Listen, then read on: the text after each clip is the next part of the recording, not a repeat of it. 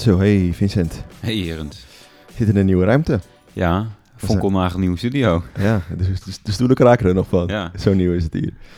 Nee, we zijn, eh, het is eindelijk een soort van af. We zitten nog een, eh, in een wel een beetje, hoe zeg je dat?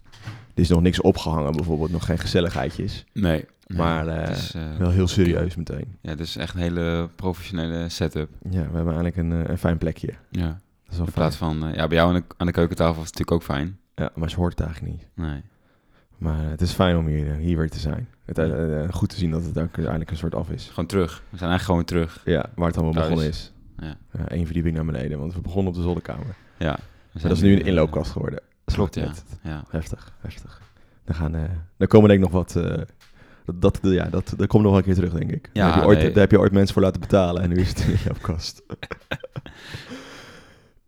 ja, helaas. Nou ja. Maar goed, ehm, we, gaan, we gaan het vandaag hebben over de, over de Amerikaanse verkiezingen. Want eh, aanstaande dinsdag, het is nu zondag, maar aanstaande dinsdag 3 november...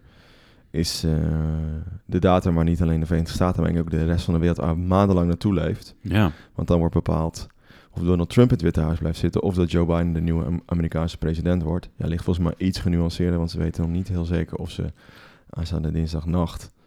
ehm, echt een uitslag kunnen geven. Want het ligt nog aan de, Nee, aan de verkiezingen per post. Waarschijnlijk niet, volgens mij. Nee, nee eh, maar er hebben al wel heel veel mensen al gestemd. Dus Ja. ik zou toch zeggen dat ze wel... Ik denk dat ze wel een indicatie kunnen geven. Eh, maar het zijn dus de, de, de, de verkiezingen van de aanstaande dinsdag... zijn de 53e presidentsverkiezingen. Ik dacht, Vincent, kan jij de vier kandidaten opnoemen? De vier kandidaten, ja, dat zijn natuurlijk eh, Joe Biden, Donald Trump. Ehm, dan zijn er nog twee andere kandidaten. Eentje van, van de Green Partij in Californië. Heb ik Mhm. eh, toevallig ergens gelezen, maar de, voor de rest, eh, ik weet de namen niet. En, Ja, en, Joe, en de Libertarische Partij. ja, Joe Jorgensen van de Libertarische Partij en Howie Hawkins van de Green Party. Ja. Ja, grappig. eh, Dat is, vind ik gelijk heel typerend voor het hele systeem of zo. Dat je er niks van hoort. En ze doen officieel wel mee, maar eigenlijk dus ook niet. nee, het gaat dus alleen maar tussen Joe Biden en Donald Trump. Ja. Ja. Zelfs met die, met, met laten we zeggen, de landelijke debatten, Ja. daar zijn ze ook niet in beeld of Nee. zo. Terwijl je dat... Nee. Ze doen wel mee, maar ze doen, ze doen niet mee. Nee, grappig hoe dat, eh, hoe dat werkt. Maar daar, laten we daar maar niet op ingaan, want eh, dat is veel te Daar kun je ingewikkeld een met hele over maken. en, ja. eh, en, en geen idee. Eh, maar ik denk voordat we echt naar ons onderwerp gaan, want we gaan het vandaag hebben over de eerste vrouwelijke president eh, van Amerika. En jullie zullen denken, hè, hoe kan dat? Maar daar later meer over. Eh, heb je nog iets, iets historisch meegemaakt of iets historisch gezien? Of, eh, of is er nog iets gebeurd de afgelopen twee weken dat je denkt van nou, dat wil ik nog even benoemen? Het is Ik geen heb, maand voor eh, geschiedenis meer, dus nee, dat- dat... is, nou ja, dat is vandaag dat we opnemen de laatste, laatste dag. Ja. Maar goed, als je dit luistert, is het afgelopen inderdaad. Ehm, nou, ik heb nog wel twee dingen die ik eh, op, eh, op tv heb, heb gezien. Die ik graag zou willen aanstippen. Ja, leuk. Dat is als eerste serie op Netflix, Barbarians, Barbaren. Uh-huh. Ehm gaat over eh, ja, Germaanse stammen in strijd met, eh, met de Romeinen. En eh, uiteindelijk de beroemde slag in het uh, Teutenburger Bald. Ehm, Zeg, maar, zeg maar even niks, maar... ja, het is, ja, je moet gewoon kijken. Het leukste zijn volgens mij acht afleveringen, dacht ik. Van 40 minuutjes. Heel veel intriges. ja, gewoon Drama. bloed. Leuk, leuk. Ehm, en eh, wat ik ook heel leuk vind, is eh, Vliegende Hollanders. Ja, dat wil ik ook zeggen. Oh, Shit. nou, Nou, misschien ken je er nog wel even wat over. eh, Ja, dat, eh, ik ging net door jou kijken, maar dat is wel heel interessant. Ik ben, het gaat dus over eigenlijk de totstandkoming van eh, KLM. En dat in deze roerige weken voor, voor KLM wel heel interessant. Ja. Eh, zelfde tijd eigenlijk waar we straks over gaan hebben. Dus net na de Eerste Wereldoorlog eh, gaat het eigenlijk over de, de geschiedenis van de burgerluchtvaart, moet ik het zo zeggen. Of publieke Ja. luchtvaart. Of eh, eh, in Nederland. En eigenlijk alle intriges die daarbij komen kijken. Tussen Fokker, die eh, natuurlijk Duitse vliegtuigen heeft gemaakt. Voor, waaronder voor de Rode Baron. Je Ja. daar meer over weten, lu- luister naar onze allereerste aflevering. ja. En dat hij daarna vliegtuigen ging maken voor, voor de KLM. Het is wel super interessant. Ik vraag me altijd af hoe historisch nauwkeurig het is. ja, dat Ze doen wel lijken alsof het heel...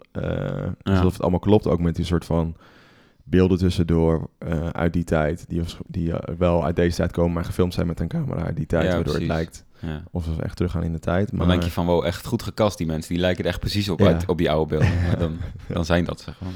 Ja, maar het is wel echt heel mooi. En gewoon die vliegtuigen. En eh, ja, het ziet wel echt... Het is gewoon heel leuk. En ik... ehm, Ik zou wel eens willen weten hoe ja, ik zou dus wel weten hoe, in hoeverre het echt allemaal echt klopt. Ja, Hè, met die Plesman die dan altijd het strijden is tegen, tegen de gevestigde orde en opeens de KLM opricht uit de, uit de modder. ja. Ja, maar goed, dan moet je het allemaal kijken. Super Ja. interessant. gewoon zeker kijken. Ja.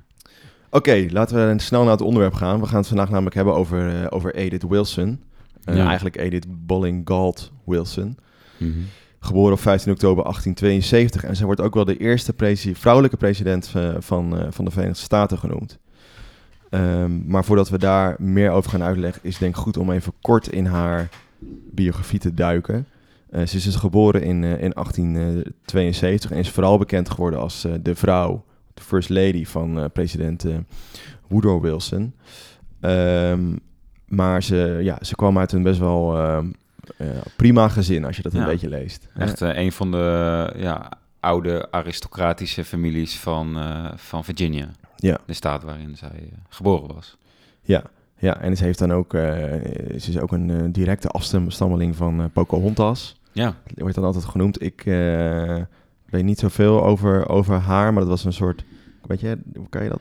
ik weet daar nee, ook het, het mij niet van. Alleen dat het een, een, een Indiaan was, zeg maar. Ja. Een Native American. Het even goed bij de naam noemen. Ja. Ehm, met een, ja. Ja, hoe noem je dat?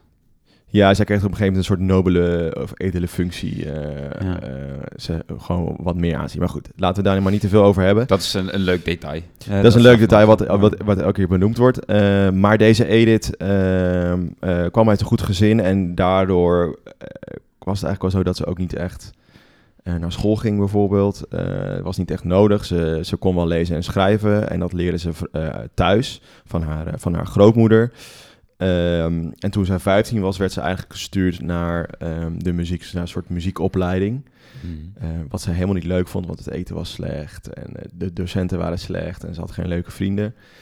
Ehm, en eigenlijk houdt daar ook een beetje dat verhaal op van eh, wat, er nou, wat ze bijvoorbeeld voor, voor school ze gedaan heeft, wat voor opleiding ze gedaan heeft. Dus het is eigenlijk vooral dat, die, die muziekopleiding. En dat ze dus kon lezen en schrijven en zowel Engels als Frans sprak.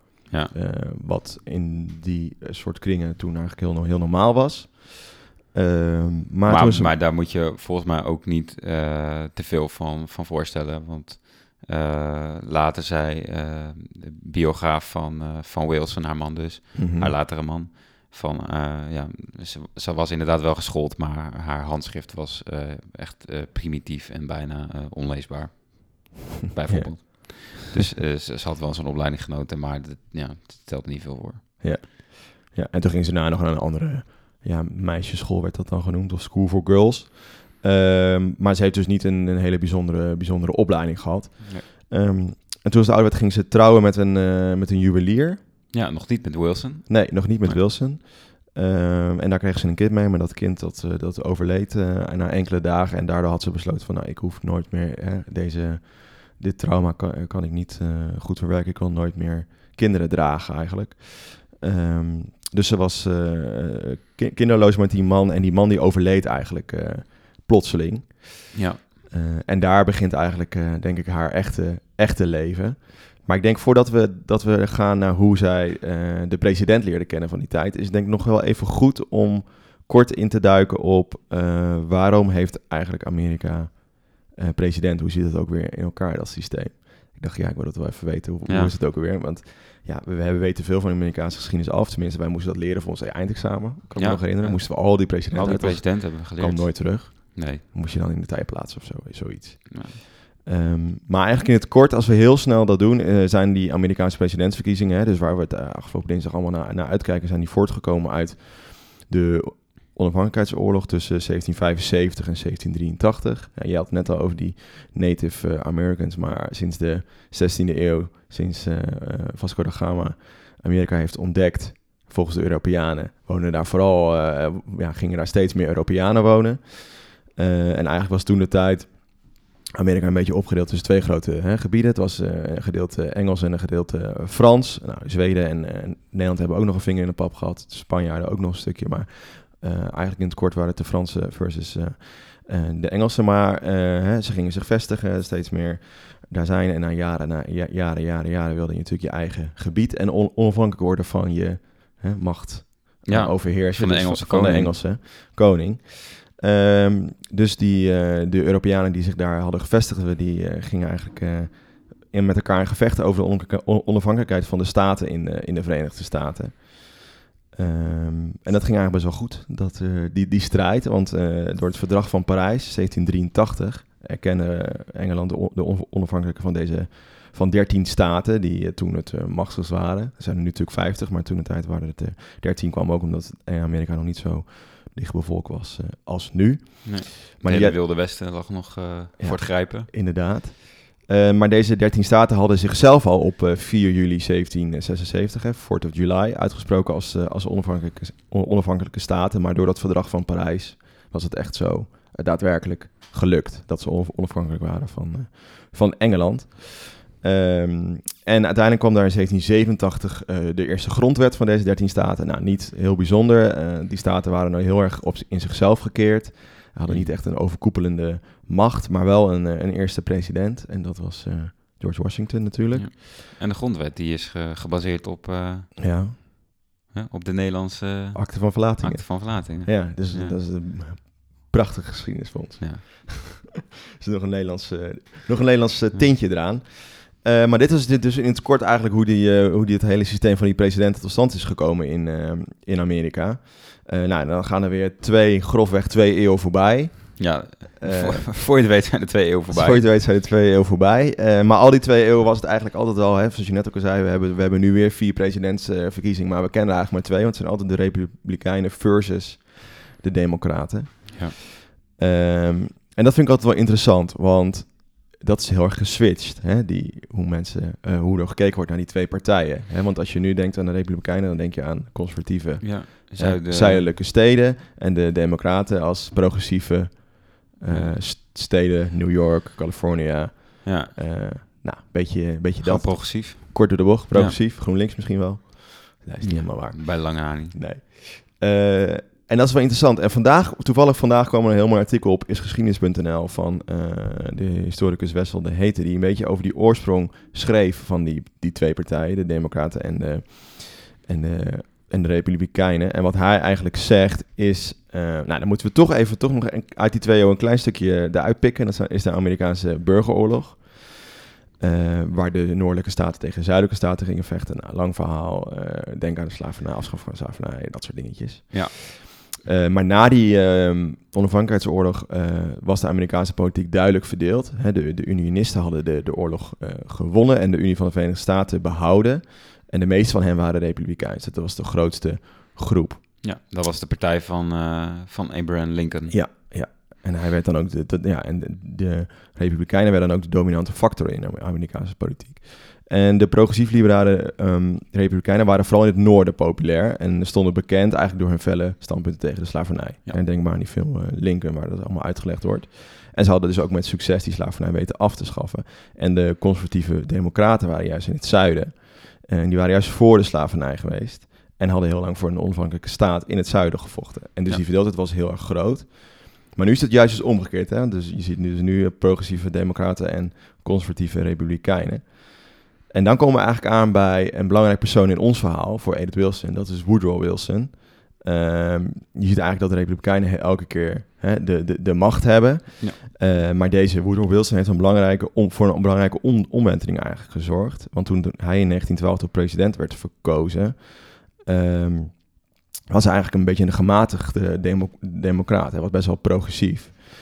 En eigenlijk door een fout bij de Republikeinen, of eigenlijk een soort machtsstrijd binnen de Republikeinse partij, uh, onder andere Theodore Roosevelt, die was het niet eens met een van de presidentsverkiezingen, of, of de, de, toenmalige president van de Republikeinen, dat hij zijn eigen partij begon, waardoor er heel veel verdeeld was, verdeeldheid was binnen de Republikeinse partij. Nou, klinkt ja. een beetje zoals wat nu gebeurt ja, met de, Trump. Ja, die, die Republikeinen, dus die Theodore Roosevelt, die wilde een pro meer progressieve kant op. En op dat moment worden die Republikeinen ja, een beetje zenuwachtig en die, die trekken juist uh, de andere kant het stuur op. Ja.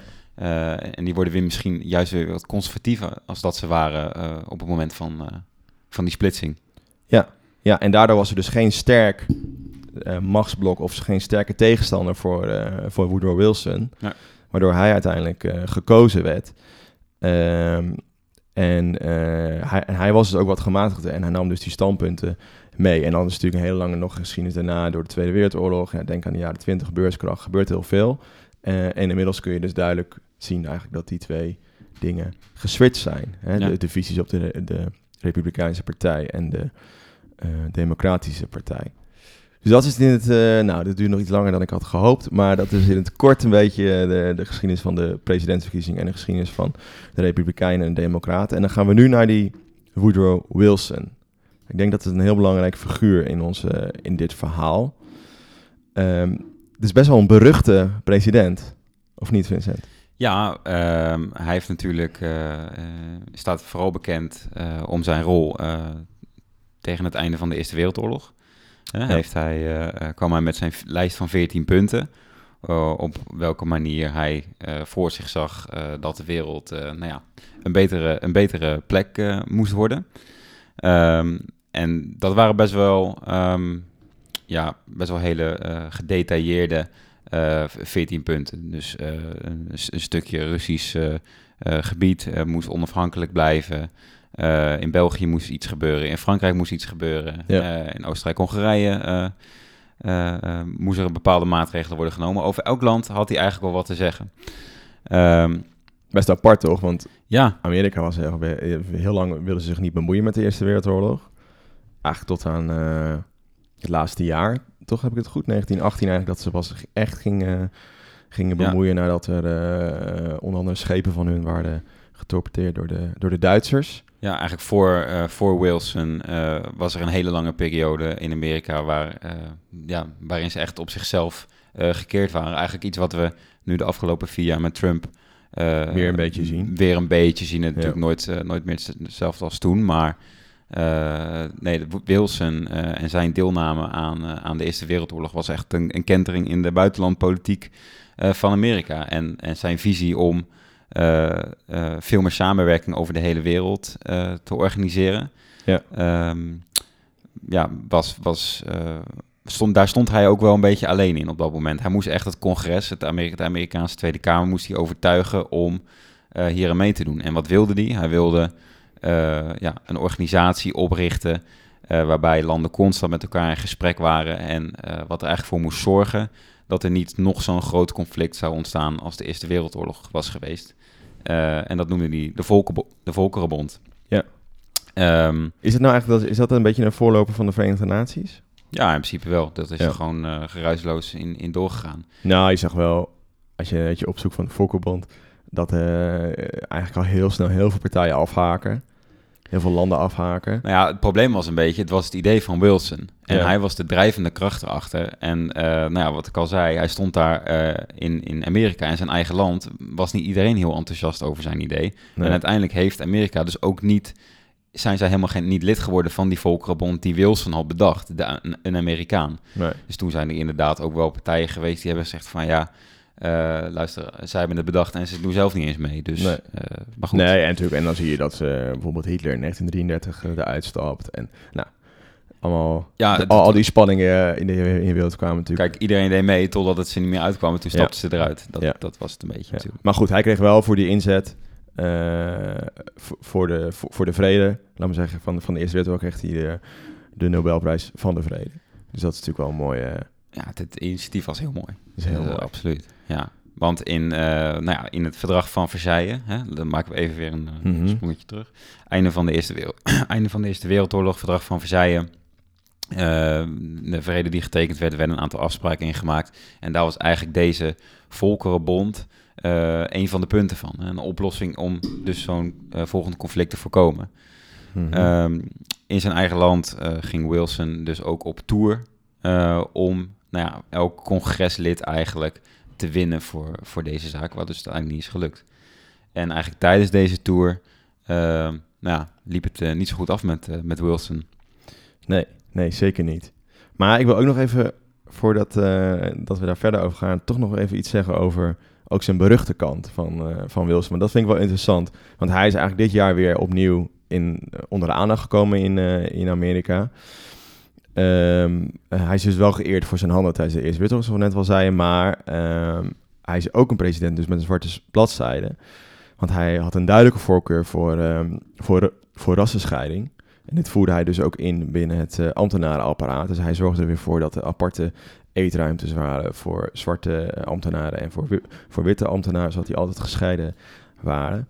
En dan zie je dat eh, de, eh, de Princeton Universiteit, die, die verschillende gebouwen naar hem had genoemd, en twee instituten naar hem heeft genoemd, en die namen dit jaar geschrapt heeft vanwege zijn racistische eh, opvattingen en eh, eh, die hij ook dus duidelijk uitte in zijn, in zijn handelen. Dus dat vond ik nog wel interessant om toch even, even aan te stippen. Eh, maar je zei het net al. Ja, eh, Trump heeft ook eh, de Nobelprijs voor de Vrede gewonnen, toch? nee, hij was genomineerd. Of genomineerd, Hij was nou in genomineerd, ieder geval. Maar ja. dat, dat zegt dus ook heel weinig. Inderdaad. Inderdaad. Maar goed, hij, over het kortom, hij wordt wel gezien als een, als een, als een progressieve hè, eh, president in die tijd. Eh, hij heeft ook gezorgd voor het, voor het algemeen vrouwenkiesrecht. Of hij daar helemaal zelf achter stond, blijft een beetje on- in het ongewisse. Ehm, maar toch loopt het, heeft hij toch wel zijn einde van zijn presidentschap was wel interessant. Ehm, want deze Woodrow Wilson was niet, ehm, was niet de sterkste jongen, had niet de beste weerstand. Hij heeft eh, zijn, eigenlijk zijn hele leven lang eh, fysieke eh, klachten gehad, verschillende eh, beroertes. Eh, en op 2 oktober 1919 krijgt hij eigenlijk eh, een, ja, zijn laatste grote eh, beroerte, wat ervoor zorgt dat hij eh, het laatste jaar eigenlijk van zijn presidentschap nauwelijks eh, wat kan doen. Want hij is voor de helft van zijn lichaam is die, eh, verlamd. En met één, met zijn rechteroog kan hij ook nog eh, zeer slecht zien. Maar Ja. eigenlijk dit hele hij ligt gegeven... voor bed. Hij ligt gewoon op bed. Wist eigenlijk niemand. Het is gewoon het laatste jaar geheim gehouden. En dat eh, belangrijke speler daarin was zijn, eh, was zijn vrouw, zijn tweede vrouw, Edith eh, Wilson. die sinds 1915 eh, zijn vrouw was geworden. Ja. En de rol van een first lady in die tijd, hè, dus denken we niet aan, aan Michelle Obama of, hè, hoe heet ze nu ook alweer? Ivanka Trump. Ivanka Trump. Zo, dankjewel. Was eigenlijk heel anders. Je was eigenlijk gewoon een gastvrouw. Wat je dus deed, was je, dat je gasten van de, van de president eh, naar huis in maakte. Zorg- Zorgde dat ze koffie kregen. Ja. eh zorgde dat ze weer op tijd naar huis gingen. En dat er gewoon alles geregeld was, zodat de man eh, zijn werk goed, goed kon doen. In feite niets anders dan andere vrouwen, zeg maar, in die tijd, denk Nee. ik. Nee, en, het- en je was zeker ook geen publiek mediafiguur zoals je nu soms bent. Nee. Ehm, want deze Edith Wilson was bijvoorbeeld ook de eerste first lady die tijdens haar first ladyschap zijn eh, op, eh, nee, naar Europa ging als first lady. Dus ook echt in het ambt als first lady naar Europa ging. Dus dat zegt al iets over Hmm. de, over de rol. Het draaide echt om de president zelf. Maar we zeiden net al, hij heeft, hij heeft dus een, eh, hij heeft dus een beroerte gehad, Woodrow Wilson. En eigenlijk veel taken van, van hem werden overgenomen door deze, door deze Edith Wilson. Eh, want eh, dat hele schande, of dus het hele gebeuren van, eh, van die beroerte is natuurlijk geheim gebleven. Ja, want zij, nou die, die Wilson die, die kreeg die beroerte en er zijn verschillende verhalen over hoe dat toen gegaan is. Maar één verhaal is dat zij hem vond in de badkamer en dat zij hem toen gesleept heeft het bed weer in. En iemand toen heeft gezegd van, nou, haal de dokter, zijn lijfarts. En, en die is er toen bijgekomen. En eigenlijk zij, die lijfarts en nog een aantal andere eh, vertrouwenspersonen waren de enige eh, personen die hem in die tijd eh, dat hij eigenlijk op bed lag, hebben bezocht. Ja, en het werd dan gewoon gezegd tegen het kabinet bijvoorbeeld van, nou waar is hij? Ja, hij is gewoon heel moe. Ja, Dan kun je toch niet voorstellen dat je dat zo lang kan volhouden. Nee. Dat, je, dat je als president dus gewoon half ver- verlamd bent en eigenlijk niet meer je ambt kan uitvoeren. Dat je, maar dat je dan toch door, door gewoon de smoes te gebruiken, eh, hij is heel moe, alsnog onder, overal onderuit komt. Hij heeft dus helemaal geen, geen publieke optredens meer gemaakt. nee. Kun je nee. nu niet voorstellen. Hij, heeft dus niet hij kon niet twitteren bijvoorbeeld.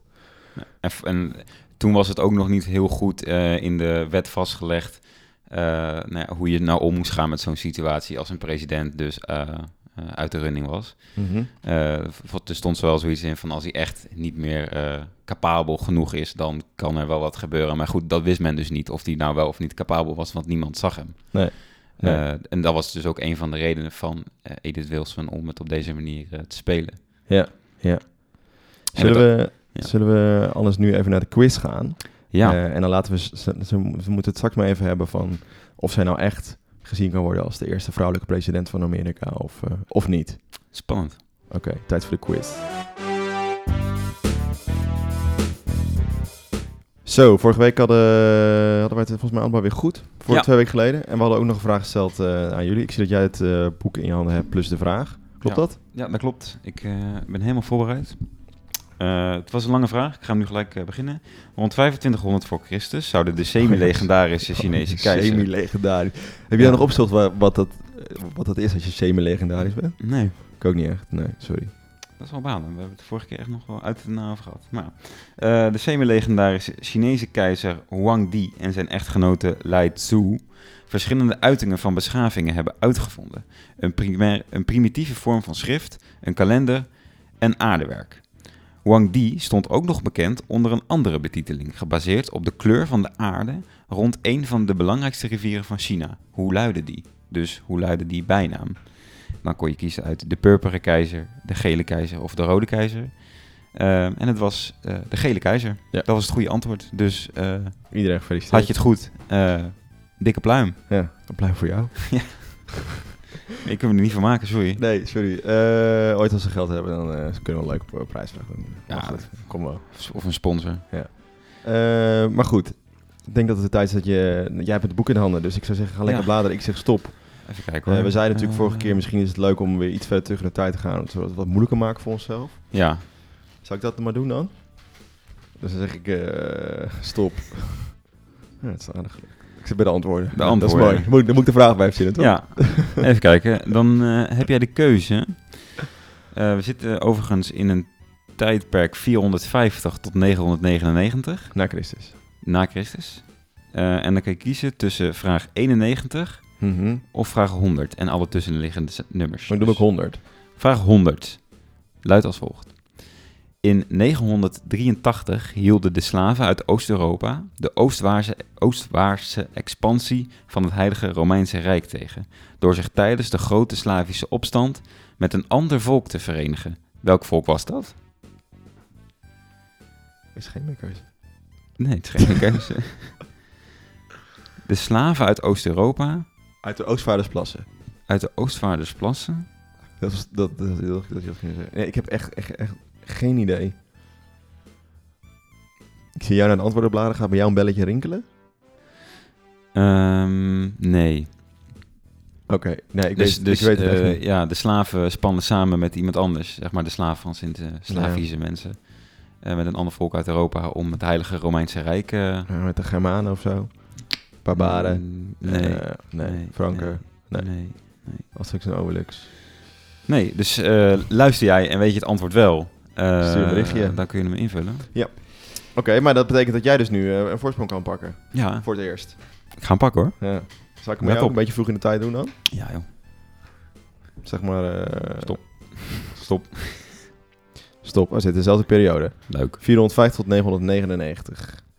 En een, eh, een vraag tussen de 1 of 4. Eén van die twee. Drie, vier. Dus 1, 2, 3 of 4. Ja, zo ja. Oh, leuk. Eh, dan ga ik voor eh, twee. Vraag twee. Oké. De vraag. Vraag 2. Welke nomadische indringers ondermijnden de Gupta-dynastie in India? Sorry. Ehm, oh, dan ga ik denk ik voor de Mongolen. De nomadische indrinker. Indringers. Ik De Mongolen ga ik voor. Ga ik even voor je kijken bij de antwoorden. Nee, is niet goed. Nee, dat is veel later. Ik weet het eigenlijk ook niet. Ja, ik- Nee, jammer. Nee, ja, jammer. Jammer. Ja, gewoon niet goed. Ja, dus eh, dan is- zijn er weer twee vragen om te beantwoorden. En zullen we dan deze keer geen vraag stellen aan, eh, aan de dat, luisteraars? eh, dat wordt te veel. is goed. Zullen we dan weer snel terug naar, eh, naar onze edit? Ja, want nou ja, wat we net al zeiden, eh, zij werd eigenlijk een doorgeefluik tussen eh, de buitenwereld en eh, president eh, Woodrow Wilson. Zij, eh, eh, zij kreeg elk document kreeg zij binnen, elke notitie, elke notulen, ehm, die zij eh, eh, vervolgens allemaal doorlas. Eh, eventueel nog notities bijzetten, wordt er wel gezegd. Of suggesties misschien wel. Ehm, en wat zij er zelf van zei, van die taak die zij toen op zich nam, dat zij voornamelijk de belangrijke of de hoofd van de bijzaken scheiden. om ja, Wilson, haar man, niet, niet oh, ja, te veel te belasten met allerlei onzinnige dingen. Eh, in haar ogen dus.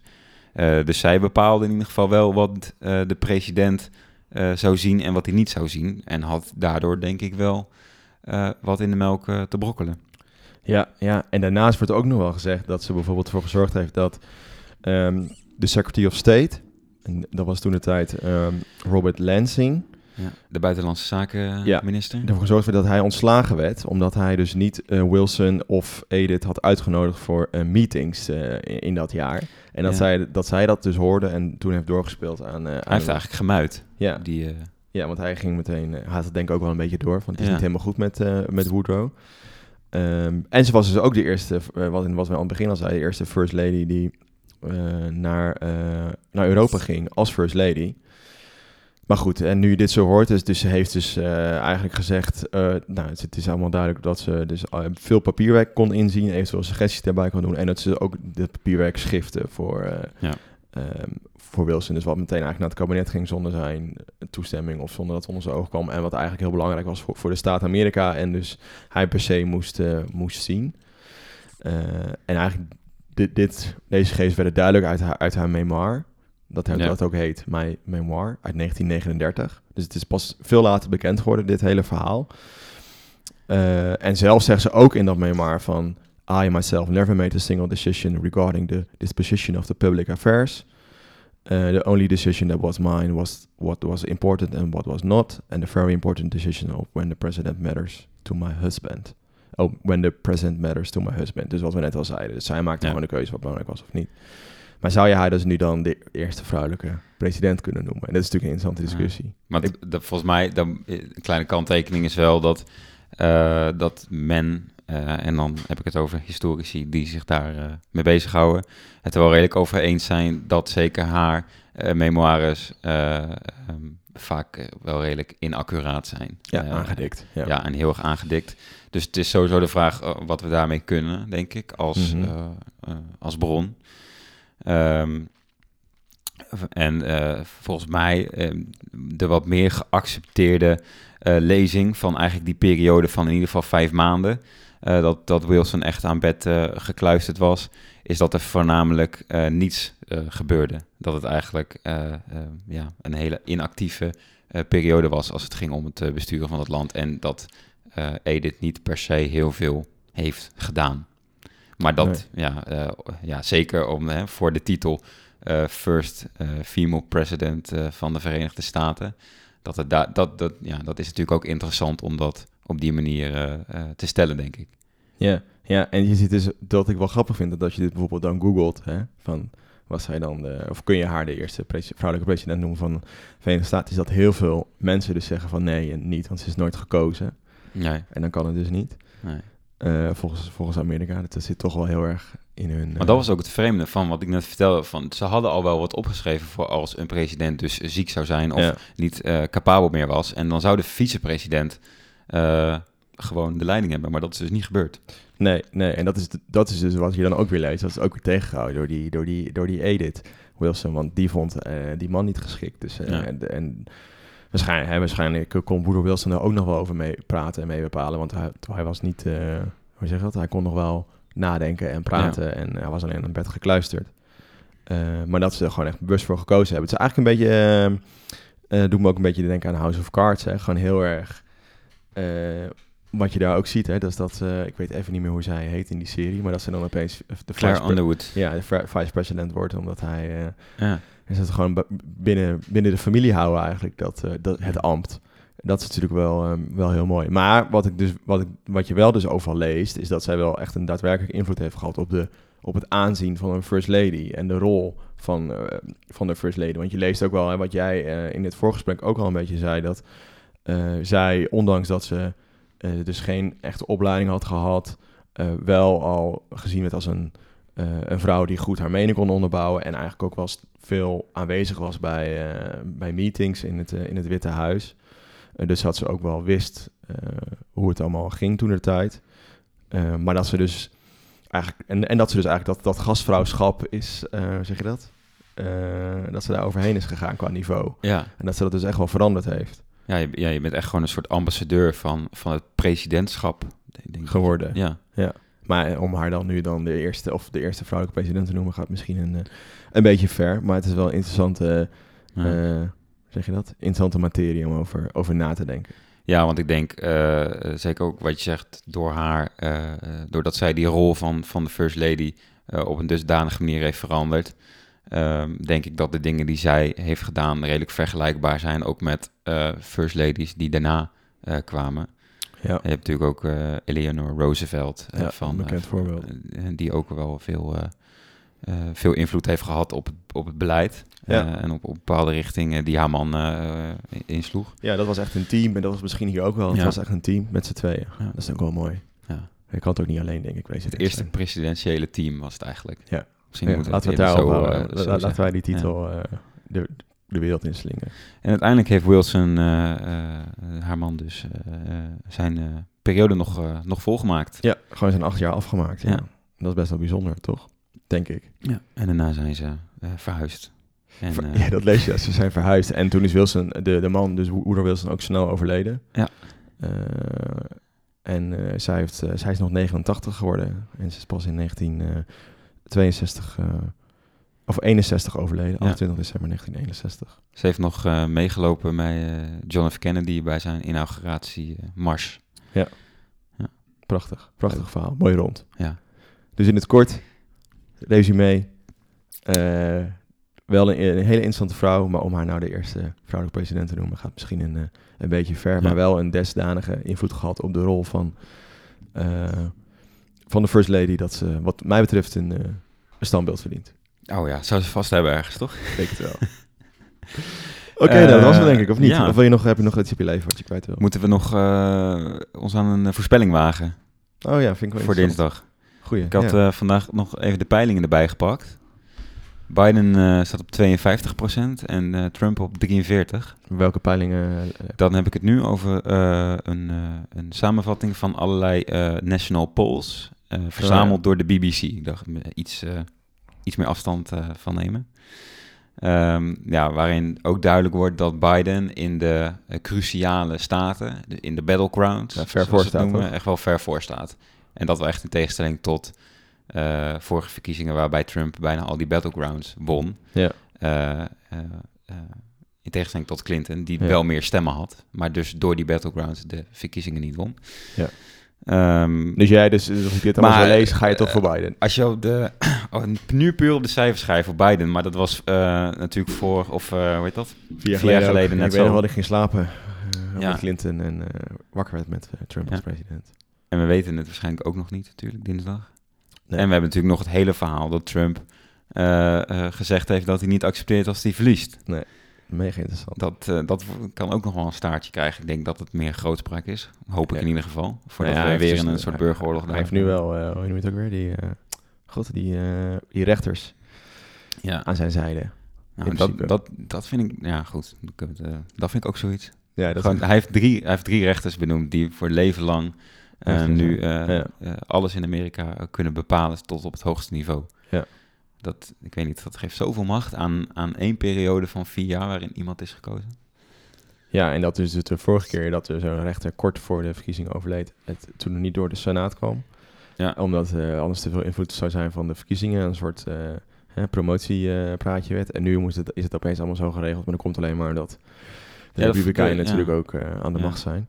Ja, ik vind het heel interessant. Het is natuurlijk wel een tip voor de, voor de luisteraars. Mocht je eh, willen lachen om de presidentsverkiezingen, volg dan even de Lincoln Project. Dat is een soort tegenreactie vanuit de Republikeinse Partij. Eh, die hebben een soort hele campagne opgezet om Trump eh, eigenlijk zwart te maken. In eerste instantie was het dus om te zorgen dat er een andere, dat er gewoon een stevigere Republikeinse tegenkandidaat zou zijn. Dat is nu gekomen en nu hebben ze zich ook echt uitgesproken van stem op Joe Biden. Ja. die maken echt hele mooie campagnefilmpjes over Trump. Dus eh, De Lincoln Project. de Lincoln Project. Dus Hmm. kijk dat op Twitter of, of YouTube. Ja. is genoeg over te vinden. En vandaag hadden ze een heel mooi filmpje over, over de afgelopen vier jaar Trump. Zo Hmm. van, nou, het is niet erg als je niet goed genoeg bent om president te zijn. Het is nu tijd om afscheid te nemen. En nou, heel mooi verpakt. Een beetje Hmm. à la, hoe moet ik het zeggen? Eh, zon- zondag met Lubach, Hmm. weet je, die stijl. Heel Hmm. leuk. Maar, eh, Presidential Podcast heb je nog. Je Ja, hebt eh, POTUS de podcast. Ja, gaan allemaal luisteren. Ja, ook wel heel gek hè, dat we zo gefocust zijn op Amerika. Ja, dat, dat blijft natuurlijk fascinerend. Vooral Maar dat ze het tot is- 100 jaar geleden eigenlijk niet wilden bemoeien met de buitenwereld. Nee. En nu eh ongeveer ja, gewoon het belangrijkste land zijn. Maar Wie Ja, gaat het Joe worden? Biden. Joe Biden? Dan ga ik voor die Trump. gaat dan denk ik binnen drie kwart jaar dood. Ja, en dan dan wordt het Kamala Harris. Ja, dat is uiteindelijk het, de opzet. Hij weet denk ik al dat hij doodgaat. Ja, hij is gediagnosticeerd. dat denk ik. Maar ik denk dat Trump wordt. Dat is, ja. Echt? Ja, dat Toch is wel? eh, leuk voor de... Oh ja. Oh. Maar, maar eh, ja, ik vind het niet helemaal eh, onlogisch om te zeggen dat Trump wordt. Ook wel. Ja, je weet het gewoon niet. Ik vind het gewoon bizar eh, dat je dan bijvoorbeeld, eh, je, die bijvoorbeeld nu met die bosbranden, er zijn superveel bosbranden in Amerika, eh, maar superveel bezuinigd op bijvoorbeeld brandweermannen. Eh, dus die bos worden, bra- bosbranden worden best wel slecht bestreden. En dat is wel duidelijk een ding wat Trump heeft gedaan. Maar dan nog zie je in, gewoon in die dorpen waar dan de complete dorpen worden weggebrand, dat er overal Trump-vlaggen staan. En Hmm. het is gewoon heel bijzonder dat hij na vier jaar nog steeds kan benadrukken dat hij een soort van de buitenstaander is en dat hij echt het systeem wil veranderen, terwijl hij nu al vier jaar onderdeel is van het hele systeem. Ja, Ja, dat is toch bizar dat je dat zo lang kan volhouden. ja maar ja, hij, heeft, hij heeft natuurlijk voor zichzelf echt een ideale positie gecreëerd waarin hij eigenlijk onaantastbaar is. Ja, Ja. Ze hebben het wel eens over eh, Teflon Rutte, dat er niks aan hem blijft kleven. maar eh, Trump eh, kan daar denk ik ook wel wat van. ja hij weet het altijd weer om te draaien. Ja, Ja. Nou, we gaan het. eh, we gaan het ga, jij ervoor, ga jij ervoor wakker blijven? Ja, dat weet ik nog niet Of iets? Ik, Voor- ik weet vier jaar geleden. toen hebben we het samen gekeken hier. ja, toen waren we eigenlijk s'avonds begonnen en opgebleven. Maar het- Toen gingen we denk ik om die ervaring uur- leert wel dat je beter eerder kan opstaan. Ja. Om een uur of vier of zo, Ja. eigenlijk. Ja. Dat je dan. Ja, goeie. Misschien heb ik er nog niet over nagedacht. Ga ik hem denk ik wel doen. Weet je. hm. Dan maar niet vier uur. En misschien even peilen hoe het zit met die poststemmen. Of überhaupt eh, zicht is op eh, iets concreets. Of een uitspraak. Maar het is ook wel leuk. Gewoon die, die, die, die televisie is ook wel mooi altijd. Daarom. En- Maar ik ben wel meer zenuwachtig voor eh, de persconferentie van eh Mark Rutte en Hugo de Jonge. Ja. Daar staan de dinsdag. En Ajax ook weer natuurlijk. Oh ja, nou genoeg te doen dus. Oké, laten we afslu- laten we afsluiten voordat we helemaal over andere dingen gaan. Ja. Leuk dat je luisterde. Leuk voor het Eh, luisteren. ja. Eh, vergeet nog niet even een, eh, een keer weer een eh, recensie achter te laten. Ik zag namelijk dat we een 1 sterren recensie hadden gekregen. Oeh. Geen onderbouwing, gewoon een ster. Hmm. Maar we hebben nog steeds gemiddeld 5 sterren. Dus eh, hou- we moeten dat wel eh, de, te- de tegenargumenten overtuigen altijd, hè? Ja, dat is waar. Dus eh, ja, vertel het door eh, en hou, la- laat een recensie achter, want daardoor worden we weer beter gevonden door andere Ja. mensen. En dat zou leuk zijn. Bedankt voor het luisteren weer en eh, tot de volgende keer. Dag. Eu...